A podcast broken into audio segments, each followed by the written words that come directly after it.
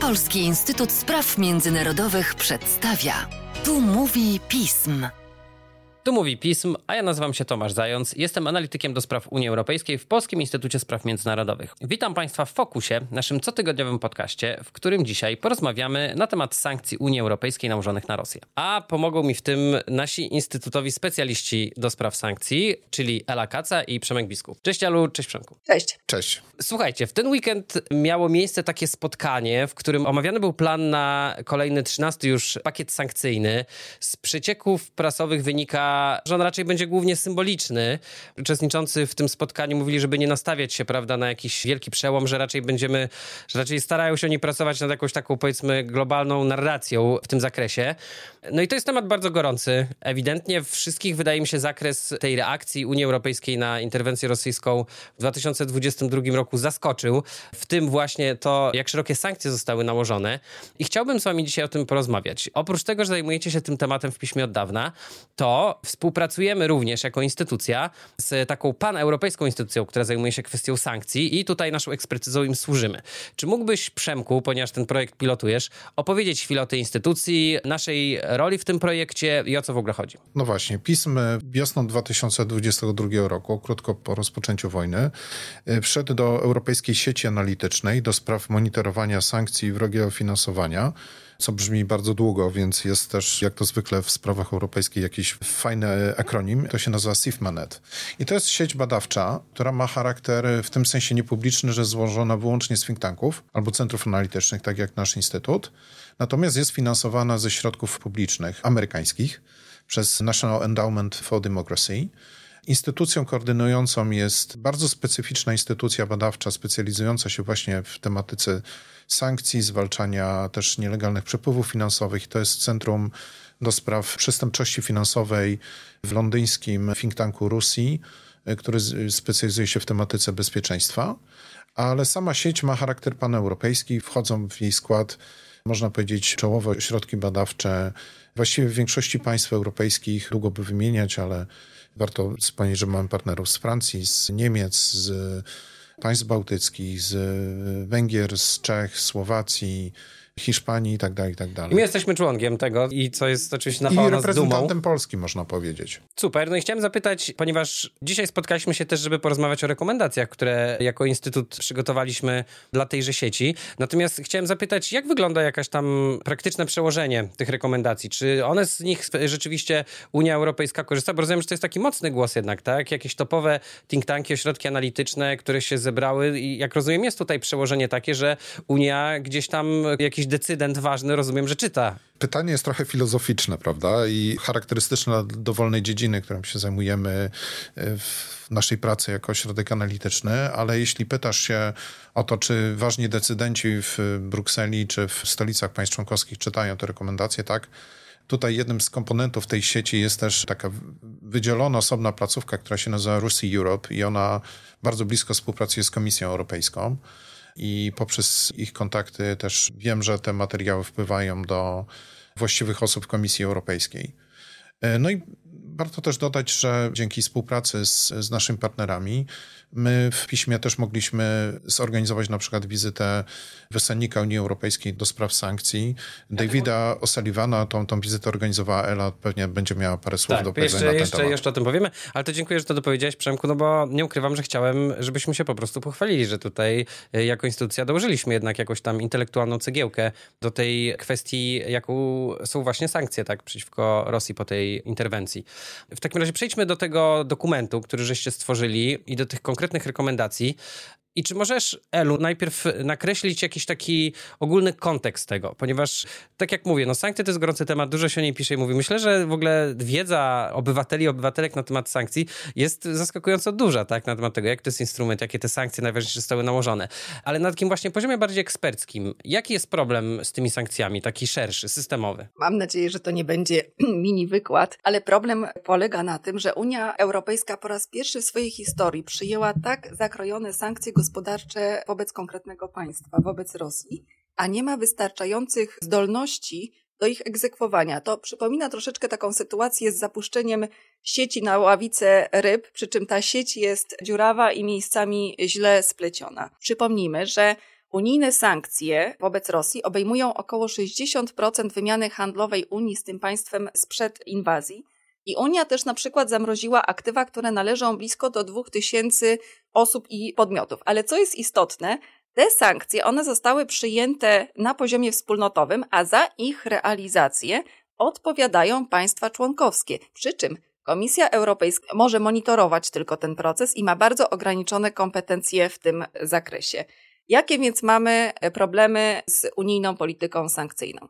Po pierwsze, ograniczeniem jest przyjmowanie sankcji na zasadzie jednomyślności państw członkowskich, a nie większością kwalifikowaną. Dlaczego? Po prostu, żeby wszystkie państwa członkowskie zgodziły się na sankcje sektorowe, no to one po prostu zakładają wiele wyjątków, wiele okresów przejściowych. Ich zakres jest w wielu wypadkach bardzo ograniczony. Przykładowo, tylko 10 rosyjskich banków jest objętych wyłączeniem z systemu SWIFT, albo tylko część produktów podwójnego zastosowania jest objętych sankcjami.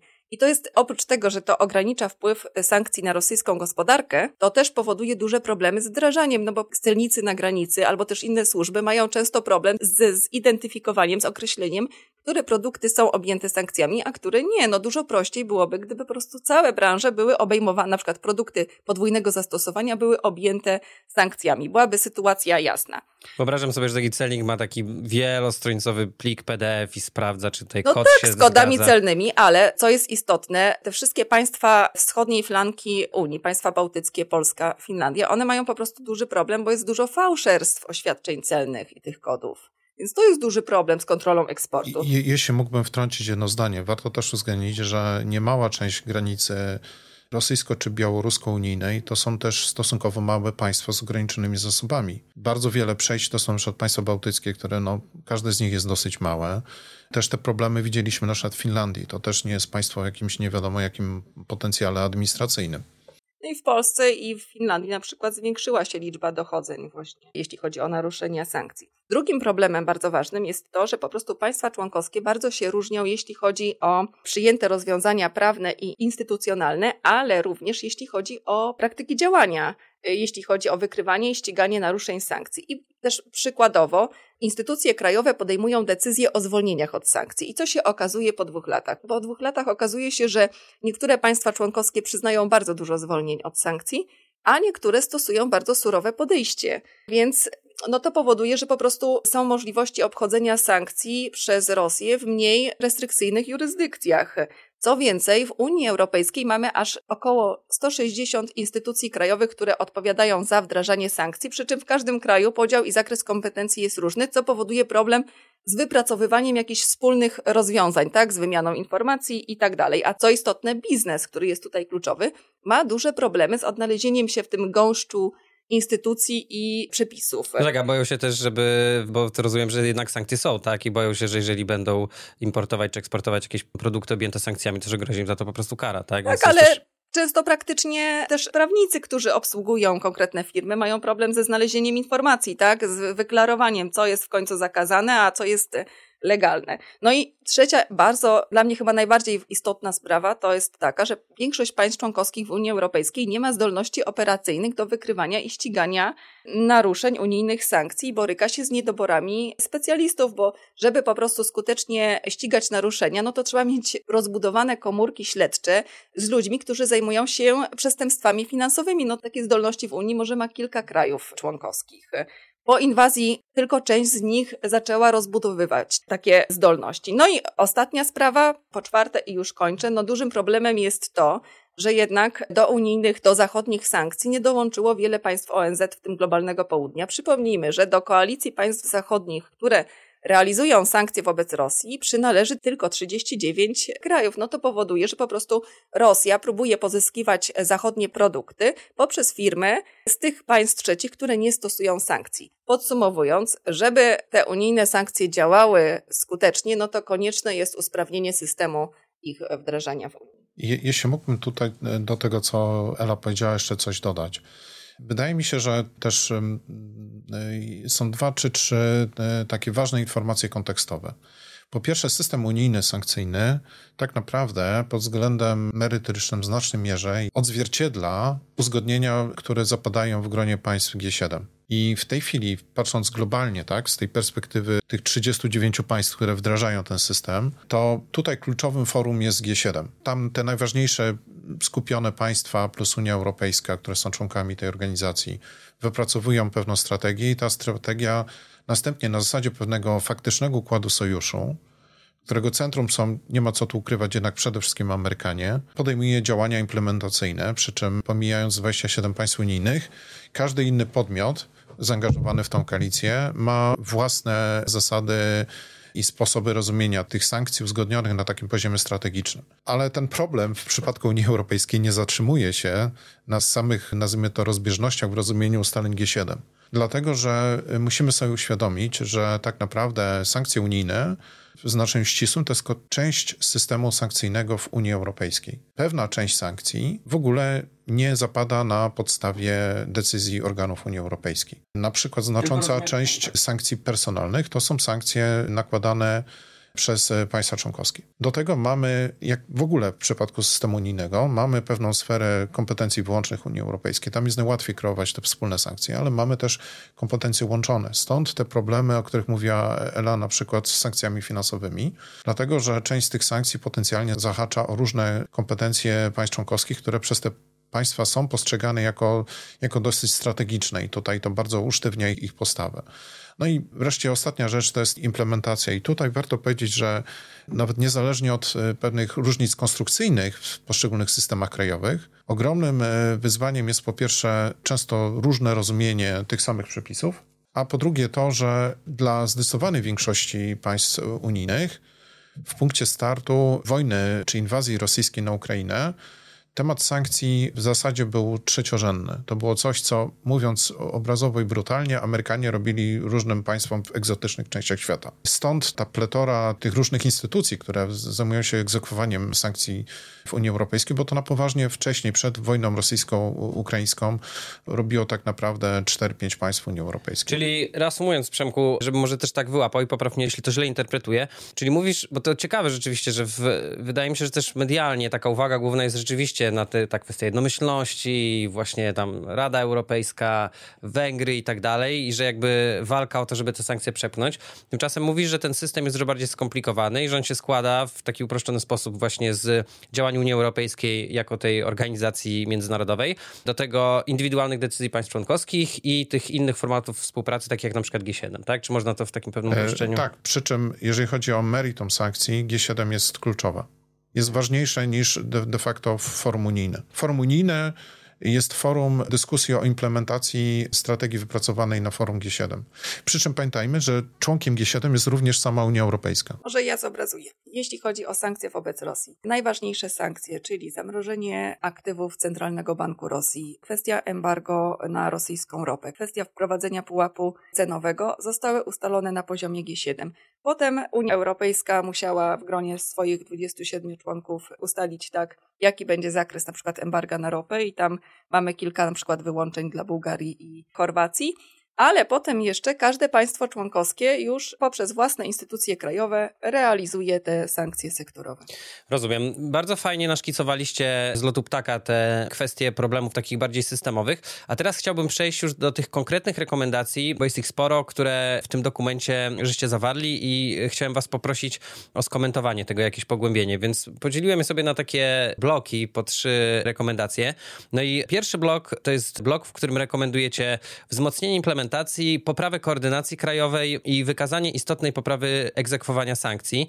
W jakiejś mierze już żeście o tym wspomnieli, mówiąc o tych systemowych problemach, ale chciałem was naciągnąć na to, żebyście jeszcze odrobinę o tym opowiedzieli i dorzucić może w ramach bonusu takie pytanie, ponieważ pamiętam, że czytałem o takim pomyśle i wydaje mi się, że on jakby jak najbardziej właśnie odnosi się do tej kwestii wzmocnienia implementacji i poprawy koordynacji, żeby stworzyć na poziomie Unii Europejskiej agencje, tak jak mamy te agencje zdecentralizowane, nie wiem, no w Polsce najbardziej znana jest chyba Frontex, e, która zajmuje się, prawda, ochroną granic i żeby stworzyć coś na kształt właśnie takiej agencji, która będzie synchronizowała te kwestie sankcji, będzie lepszy przepływ informacji i tak dalej. Ten pomysł przez nikogo nie został tak na serio, wydaje mi się, zaproponowany i chyba troszkę umarł w tym sensie, że ja już nie słyszałem o tym, żeby ktoś wracał do tego. Co myślicie na temat tego, żeby taką agencję stworzyć? Czy to by pomogło wdrożyć te rekomendacje, które właśnie przed chwilą przytoczyłem, czyli wzmocnienie implementacji, poprawa koordynacji krajowej, wykazanie istotnej poprawy egzekwowania sankcji? Spróbuję odpowiedzieć na twoje pytania w miarę po kolei i myślę, że wtedy wyjdzie odpowiedź na, na to ostatnie. Musimy pamiętać o tym, tak wspomnieliśmy już, że w punkcie startu większość państw członkowskich naprawdę nie miała poważnego systemu sankcyjnego. Naprawdę nie miała, ani nie miała tym bardziej z tym związanych doświadczeń.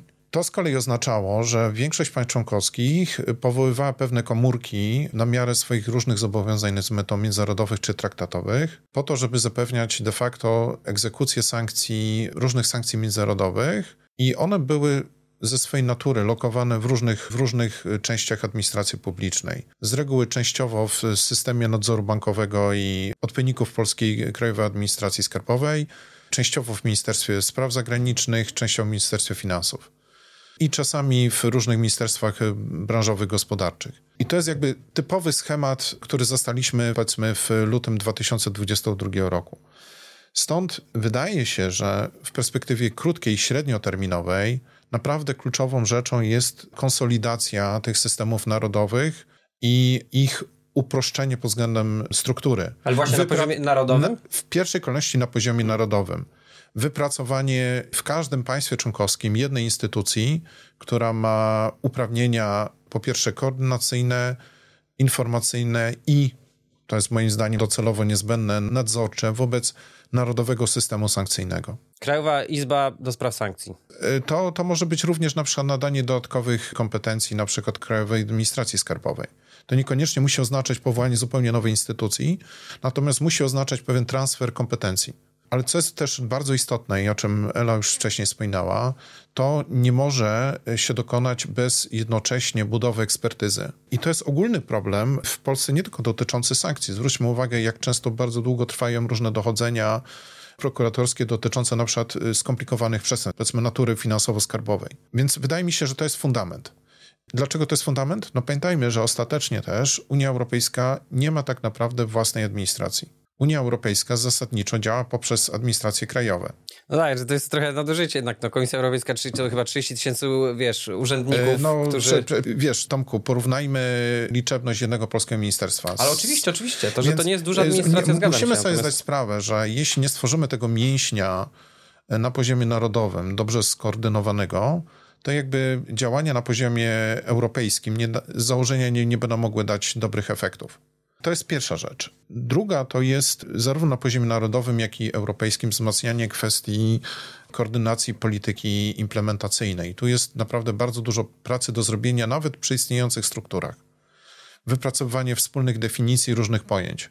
Na przykład, co jest asetem rosyjskim, a co nie jest Tutaj podczas jednego z seminarium badawczych, które organizowaliśmy w ramach tej sieci badawczej w piśmie, praktycy prawni zwracali uwagę, że na przykład są bardzo duże rozbieżności odnośnie procentu udziałów rosyjskich w danym przedsiębiorstwie, żeby uznać to przedsiębiorstwo za rosyjskie w różnych jurysdykcjach. Ja pamiętam, że na początku też było coś takiego, że tam ci oligarchowie wyprzedawali tak, żeby mieć poniżej tego progu właśnie, Dokładnie który się tak. kwalifikował tak. i, i, to, że niby wtedy unikało tych sankcji. Tak? To jest pewna rzeczywistość prawna. I w związku z tym, wracając do Twojej serii pytań, wydaje mi się, że w perspektywie średnio-długoterminowej stworzenie takiej instytucji europejskiej może być dobrym pomysłem ale trzeba zacząć od podstaw. Priorytetem jest, rozumiem, ten plan narodowy, e, tak, e, Elu? E, ja może tylko wyjaśnię, jaka jest sytuacja, jeśli chodzi o te zróżnicowanie tych mięśni w Unii Europejskiej. Jest jednak kilka państw członkowskich w Unii Europejskiej, głównie południowych, Francja, Hiszpania, ale też takich, które prowadziły handel globalnie, jak Holandia, że one mają dobre reżimy sankcyjne, no ponieważ po prostu te sankcje po arabskiej wiośnie dotyczyły ich handlu, tak, z tymi państwami Afryki Północnej i tak dalej.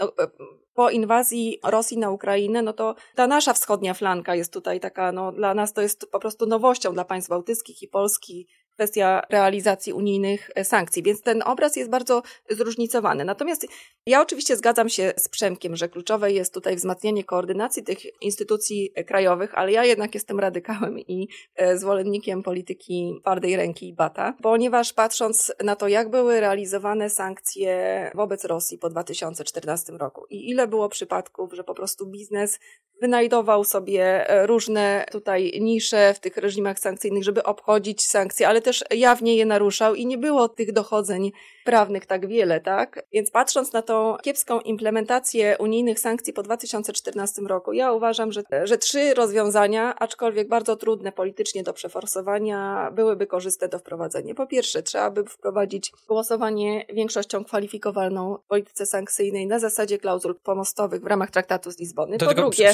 dodam, bo może nie dla wszystkich to jest jasne, tak, że jakby w ramach traktatów istnieje taka możliwość, ponieważ dużo decyzji jest podejmowanych, znaczy właściwie to nie dużo, 80% jest podejmowanych większością kwalifikowaną, ale te 20%, które nie jest, jest podejmowane jednomyślnie, a traktat lizboński zostawił taką furtkę, tak zwaną klauzulę pomostową, która pozwala na coś takiego, że jak państwa się jednomyślnie umówią, to mogą zrezygnować z jednomyślności w danym obszarze i takim właśnie postulatem, który się już od dłuższego czasu pojawia, to żeby chociaż te sankcje właśnie w ramach tej klauzuli pomostowej odejść od tej jednomyślności i właśnie, że to by przyspieszyło szybkość ich uchwalania, prawda, i ich zakres powiększyło też. Tak. Po drugie, uważam, że przynajmniej część kompetencji, jeśli chodzi o realizację sankcji, powinna zostać przeniesiona na poziom wspólnotowy i przede wszystkim tu uważam, że kwestia udzielania zwolnień od sankcji powinna być rozstrzygana na poziomie Komisji Europejskiej. I tu można albo wzmocnić Komisję Europejską, bo na stan dzisiejszy, no to tam pracuje około 75 osób więc trzeba by było wzmocnić po prostu personalnie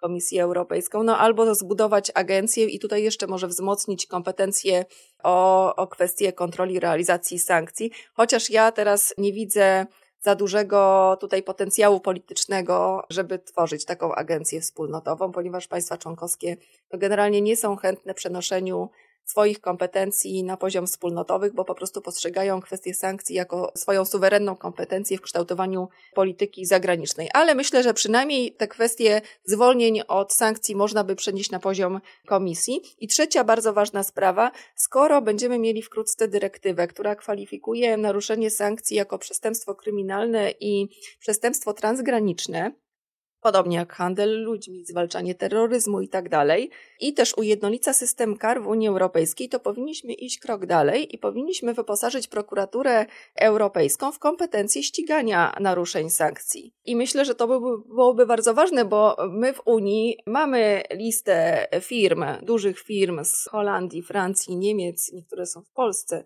których produkty podwójnego zastosowania trafiają do Rosji.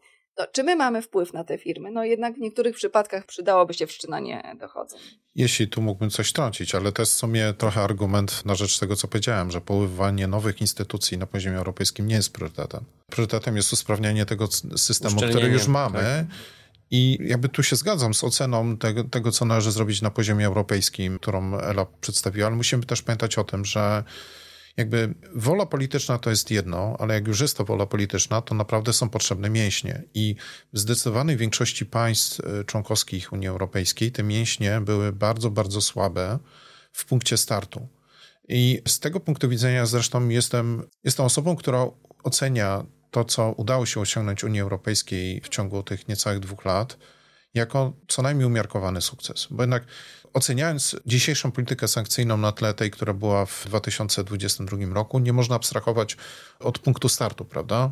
Który naprawdę niestety był dosyć nisko. Czyli kontynuując tę metaforę mięśniową, można powiedzieć, że masa została w jakiejś mierze zrobiona, może nie taka jak był ambitny cel, ale została zrobiona w takim razie i, i że tu jeszcze przed nami sporo treningów jako Unią.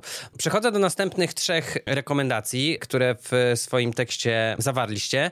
Jest to wprowadzenie obowiązków sprawozdawczych w zakresie egzekwowania sankcji, wyznaczenie organu krajowego właściwego do wymiany informacji, to już Przemek myślę o tym dużo mówił, i odpowiedź na działania FSB. Więc więc tak jak mówiłem, o tym wyznaczeniu organu krajowego to myślałem, że tu już żeśmy dosyć szczegółowo o tym porozmawiali, ale czy możecie odnieść się do tych dwóch pozostałych, czyli wprowadzenie tych obowiązków sprawozdawczych i odpowiedź na działania FSB, czyli Rosyjskiej Służby Specjalnej, Przemku? Znaczy, jeśli chodzi o kwestię sprawozdawczości, to jest, wydaje się, że też w sumie całkiem sporo o tym powiedzieliśmy. Dużo bardziej jasne, precyzyjne, szybkie informowanie wskazanego organu Unii Europejskiej. Wszystko wskazuje na to, tu się zgadzam z Elą, że to po prostu będzie tu będzie rozbudowa faktycznych kompetencji Komisji Europejskiej. Zresztą mówmy się, w dzisiejszym układzie instytucjonalnym i zwłaszcza z punktu widzenia też zasobów kadrowych, właśnie nikt inny nie ma takich kompetencji. Znaczy nie ma potencjału tutaj. Do tego jeszcze dochodzi kwestia tego, że polityka handlowa w Unii Europejskiej jest kompetencją wyłączną Unii Europejskiej i jest realizowana poprzez Komisję. Decydujące sankcje z punktu widzenia gospodarczego to są oczywiście te sankcje handlowe albo powiązane z handlowymi, więc e, tym bardziej ten system się domyka, prawda? Jeżeli, jeżeli wzmacniamy na tym polu Komisję Europejską. Natomiast jeżeli chodzi o odpowiedź na wykorzystywanie przez Rosję jako państwo służb specjalnych, FSB przede wszystkim, ale przecież nie tylko, do obchodzenia e, sankcji, no to wydaje mi się też to w miarę e, oczywiste, że trzeba odpowiedzieć podobnymi działaniami kontrwywiadowczymi w sensie instytucjonalnym, ale znowu wzmacniając kompetencje merytoryczne. Tutaj wydaje mi się, że ciekawym właśnie precedensem w dziedzinie świata analitycznego jest to Centrum do Spraw Przestępczości Finansowej, które powstało w Londynie jakiś czas temu, z którym my teraz współpracujemy i ono jest tym koordynatorem tego naszego projektu SIFMANET. Potrzeba takich instytucji, instytucji, które wychodzą, mają background w tym świecie, nazwijmy to, związanym z bezpieczeństwem, ale jednocześnie mają mocne kompetencje merytoryczne w zakresie rozumienia i śledzenia tego, co się dzieje w systemach na przykład bankowych czy gospodarczych. Tak, jeszcze Elu. Ja może tylko powiem, że teraz właśnie państwa członkowskie i Komisja Europejska, DG FISMA pracują właśnie nad utworzeniem takiego systemu wymiany informacji. To, to jest tutaj prace wrą rzeczywiście. Natomiast dla mnie jest dużym problemem, że my w ogóle w Unii Europejskiej mamy mówiąc eufemistycznie, dość impresjonistyczny obraz tego, w jakim stopniu te sankcje są wdrażane i rzeczywiście jakby nie ma, nie ma kompleksowych danych, którymi my byśmy mogli się posługiwać w pracy badawczej. Może jest kilka opracowań, ze dwa, jak ten system wdrażania w Unii wygląda, ale problemem jest po pierwsze ja teraz widzę, że Komisja Europejska zbiera ograniczony zestaw danych. Na przykład rzeczywiście jest duży postęp, bo Komisja Europejska zaczęła zbierać na temat zamrożonych aktywów w Unii Europejskiej szczegółów, tak, gdzie są te pieniądze Centralnego Banku Rosji, w których krajach, w jakim w jaki sposób ulokowane, że zaczęła zbierać na przykład dane od państw członkowskich o liczbie zwolnień i to dopiero teraz ale na przykład nie ma danych, ile dochodzeń jest prowadzonych, jakie są ich wyniki, jak, jakiej wysokości kary są nakładane, a właściwie to, jakich grup produktów dotyczą te, te zwolnienia, komu były one udzielane. No to już jakby jest cały zestaw szczegółów, o, o których my nie mamy zielonego I pojęcia. I to by pomogło porównać rok do roku na przykład, jak wygląda ta kwestia. Ja tylko chciałem dodać, bo wiem, że... Prze, prze... A co jest jeszcze istotne, te dane nie są upubliczniane, więc ja myślę, że my jako obywatele Unii Europejskiej powinniśmy się domagać większej transparentności tej dziedzinie. Przy, przy, przy, czym właśnie to, co Ela powiedziała, że znaczy my jako badacze nie do końca jesteśmy w stanie to śledzić, ale to jest jeszcze pół biedy. właśnie problem ten z koordynacją, przekazywaniem danych polega na tym, że również Komisja Europejska nie jest w stanie tego do końca śledzić. Bo chciałem dodać, że wiem, że Przemku nie jesteś może jakim fanem tworzenia nowych instytucji, ale może właśnie taki jakiś mini Eurostat dla sankcji jakby powstał w ramach Unii Europejskiej, która by była jednostką, której głównym celem byłoby śledzenie, zbieranie tego. Może to jest jakiś pomysł. I to jeśli, jeśli można jeszcze dorzucić jedną rzecz do tego, co już zostało powiedziane. Ten impresjonistyczny obraz sankcji, o którym mówiła Ela, wynika częściowo również z tego, że proces polityczny tworzenia sankcji był strasznie bolesny i długotrwały. Zauważmy, że mieliśmy tak naprawdę w pierwszym etapie, tym bardzo intensywnym, powiedzmy do końca lata 2022 roku, mieliśmy 8 pakietów sankcyjnych. Do dzisiaj dorobiliśmy się 12. W każdym z nich, zwłaszcza tych początkowych, były wyjątki. Te wyjątki później częściowo były kasowane, ale ogólnie rzecz biorąc, to jest naprawdę już samo prześledzenie, co jest sankcjonowane, co nie, jest już pewnego rodzaju wysiłkiem i to mocno zaciemnia obraz rzeczywistości. Ale żeby dodać do tego jeszcze problem, jeden, to jest taki, że sankcje tak naprawdę, gdybyśmy używali metafor sportowych, to jest co najmniej bieg długodystansowy, jeśli nie maraton. I natomiast popularne narracje w mediach o pakietach sankcyjnych, o kolejnym przyjmowaniu są takie, jakby te sankcje nagle z momentem przyjęcia zaczynały działać i nagle, nagle tak, przynosiły tak, no. jakiś nie wiadomo jaki efekt. Po pierwsze, część z nich nie może przynieść tego niesamowitego efektu, bo ma bardzo dużo wyjątków. A po drugie, część z nich po prostu działa stopniowo. Tak jak są pewne leki, które na przykład przyjmujemy i one uwalniają te substancje, prawda, aktywne przez dłuższy czas, tak samo jest z sankcjami. Więc... Jeżeli mogę tylko dodać tego, Przemku, bo totalnie się zgadzam i też chciałem powiedzieć, że jest taka narracja w krajach europejskich, a nawet w Polsce pamiętam, e, czytałem ludzi, którzy mówili coś takiego a propos właśnie tej długodystansowości, którzy mówili, że no ale czy sankcje działają, bo przecież Rosja po raz kolejny zaatakowała Ukrainę i że zupełnie nie wydaje mi się, że chodzi o to, że właśnie tak jak powiedziałem, że to ma być knockout, tylko też jakby jedną z idei sankcji, taką bardzo słabo mierzalną jest to, żeby podnieść koszty ewentualnego, prawda, kolejnego na przykład ataku. I to nie jest tak, że to powstrzyma jednoznacznie, że to jest powód dla którego, nie wiem, Rosja miałaby tą swoją imperialną politykę jej poprzestać, tylko właśnie po to, żeby podnieść koszty i tego jakby nie, nie zmienimy tego, tak? E, Natomiast... E, tak, tak, tak. I zresztą po angielsku to się określa w, w teorii sankcji jako, jako elemencie wojny handlowej, tak? Resource denial, tak? Czyli odmawianie komuś zasobów. Jak to jest instrument do odmawiania naszemu przeciwnikowi zasobów.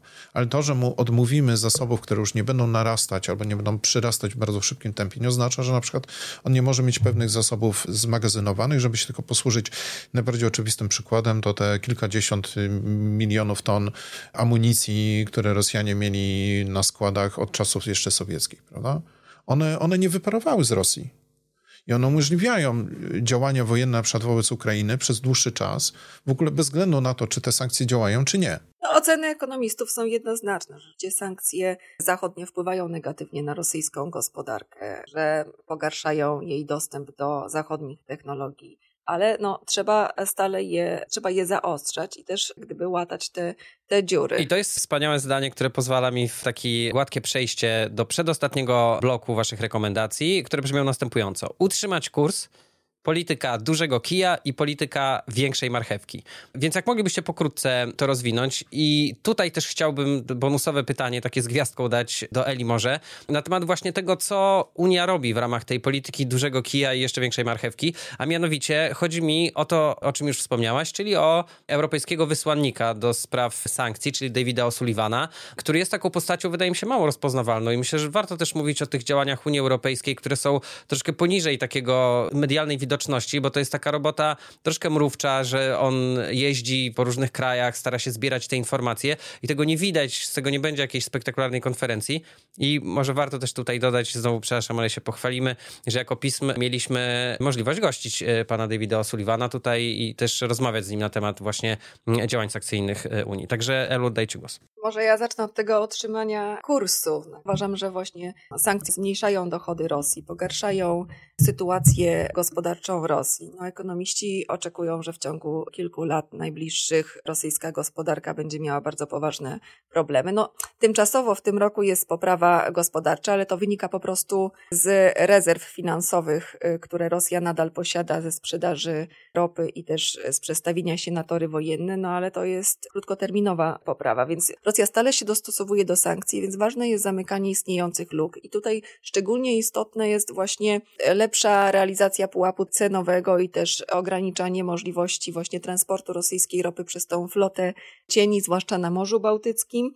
No i też po drugie trzeba pamiętać, że jednak no, te sankcje po stronie unijnej ze względu na skalę powiązań gospodarczych, no ich wprowadzanie jest możliwe stopniowo, o czym mówił właśnie Przemek, więc no, pamiętajmy, że jeszcze Unia nadal importuje z Rosji paliwa kopalne o wysokości tam kilkudziesięciu miliardów euro w ubiegłym roku, więc ważne jest jakby dążenie do całkowitego embarga na rosyjskie surowce i tutaj następne w kolejce jest na przykład LNG. No, myślę, że w tym roku to jest niemożliwe, ale już w przyszłym roku, jak się poprawi sytuacja, sytuacja, no to będzie możliwe po prostu domaganie się embarga na LNG. I teraz no też kolejna sprawa, jeśli chodzi o, o, to, o zaostrzenie sankcji. Ważne jest, żeby ograniczać właśnie sprowadzanie przez Rosję komponentów do produkcji broni z zachodnich firm, głównie amerykańskich, ale to dotyczy też unijnych, bo trzeba pamiętać, że mimo nałożonych sankcji, no, Rosja nie zdołała uniezależnić się od tych zachodnich komponentów, pozyskuje je właśnie przez kraje trzecie, które nie stosują sankcji. I tu jest właśnie ważna rola pana Davida O'Sullivana, który został nominowany na pełnomocnika Unii do spraw wrażenia w sankcji. I jego właśnie głównym zadaniem jest jeżdżenie po tych kilkunastu krajach, których właśnie Komisja Europejska odnotowała wzrost tranzytu unijnych produktów do Rosji. I tu chodzi głównie o Zjednoczone Emiraty Arabskie, kraje Azji Centralnej, Serbię, Turcję. Chciałem właśnie powiedzieć tak, że to też wydaje mi się, że był taki temat niedawno medialnie dosyć obecny właśnie na temat tego, jak ta bezpośrednia sprzedaż mocno spadła, ale no właśnie, że to jest takie dosyć niesamowite, że te liczby są takie, że tutaj nagle, prawda, eksport do Kazachstanu, tam już nie, nie, nie pamiętam dokładnej liczby, ale do tam Kirgistanu. o tysiąc, no tak, o tysiąc procent nagle, tak, tak, wzrósł, tak no. dokładnie. Natomiast tutaj jeszcze trzeba i wydaje mi się powiedzieć o jednej rzeczy. Mianowicie Unia Europejska jako organizacja, jako największy blok handlowy na świecie, można powiedzieć, przez bardzo długi czas miała bardzo sceptyczne podejście do klasycznego amerykańskiego podejścia do sankcji.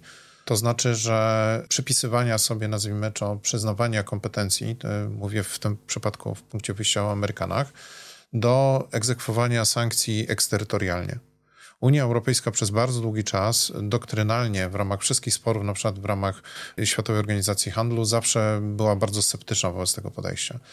Natomiast nie ma co tu ukrywać, że jesteśmy w tej chwili chyba w czymś, co można efektywnie opisać jako proces przechodzenia na pozycje amerykańskie w tej sprawie.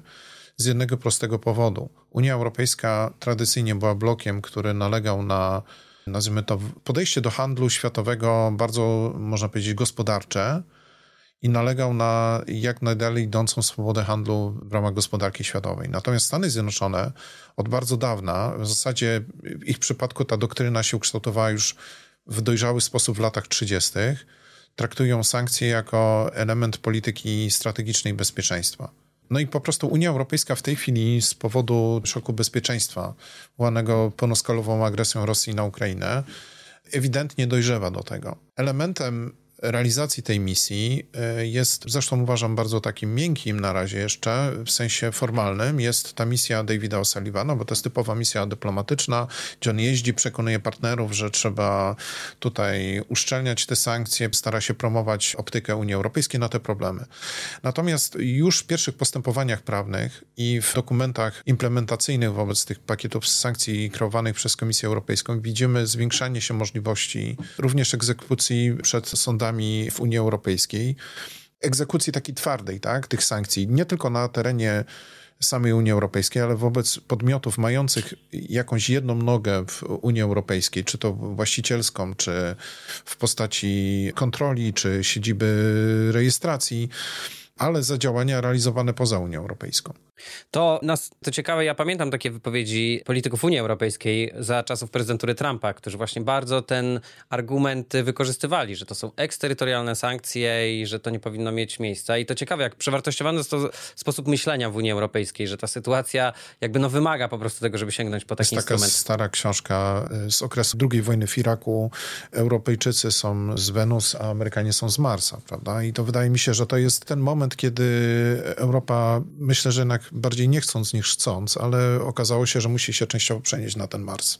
Jasne. No tak, ale jeszcze pytanie, w jakim stopniu David O'Sullivan rzeczywiście będzie mógł używać tego bata, bo jeśli chodzi właśnie o tą politykę kija, no to e, Unia albo wpisuje firmy z państw trzecich na swoje listy sankcyjne i to, jest, to ma raczej rolę takiego sygnału politycznego, ostrzeżenia, a drugą opcję, którą ma do wykorzystania, to po prostu blokowanie eksportu określonych e, właśnie produktów podwójnego zastosowania do takich państw, ale to wymaga jednomyślności i to jest jak gdyby taki ostateczny, ostateczny ruch i na razie nie widzę jakiegoś klimatu politycznego, żeby używać tego bata. Natomiast jeśli chodzi o politykę marchewki, no to oczywiście Unia może zachęcać poprzez jakieś udogodnienia w handlu, tak, poprzez e, inwestycje w ramach Global Gateway w infrastrukturę transportową i energetyczną. Ja jeszcze tylko dodam, na czym polega praca Davida O'Sullivana. On ma po prostu w ręku listę 45 produktów podwójnego zastosowania, które służą do produkcji rosyjskich dronów i pocisków i on jeździ i po prostu rozmawia z decydentami z poszczególnych państw trzecich,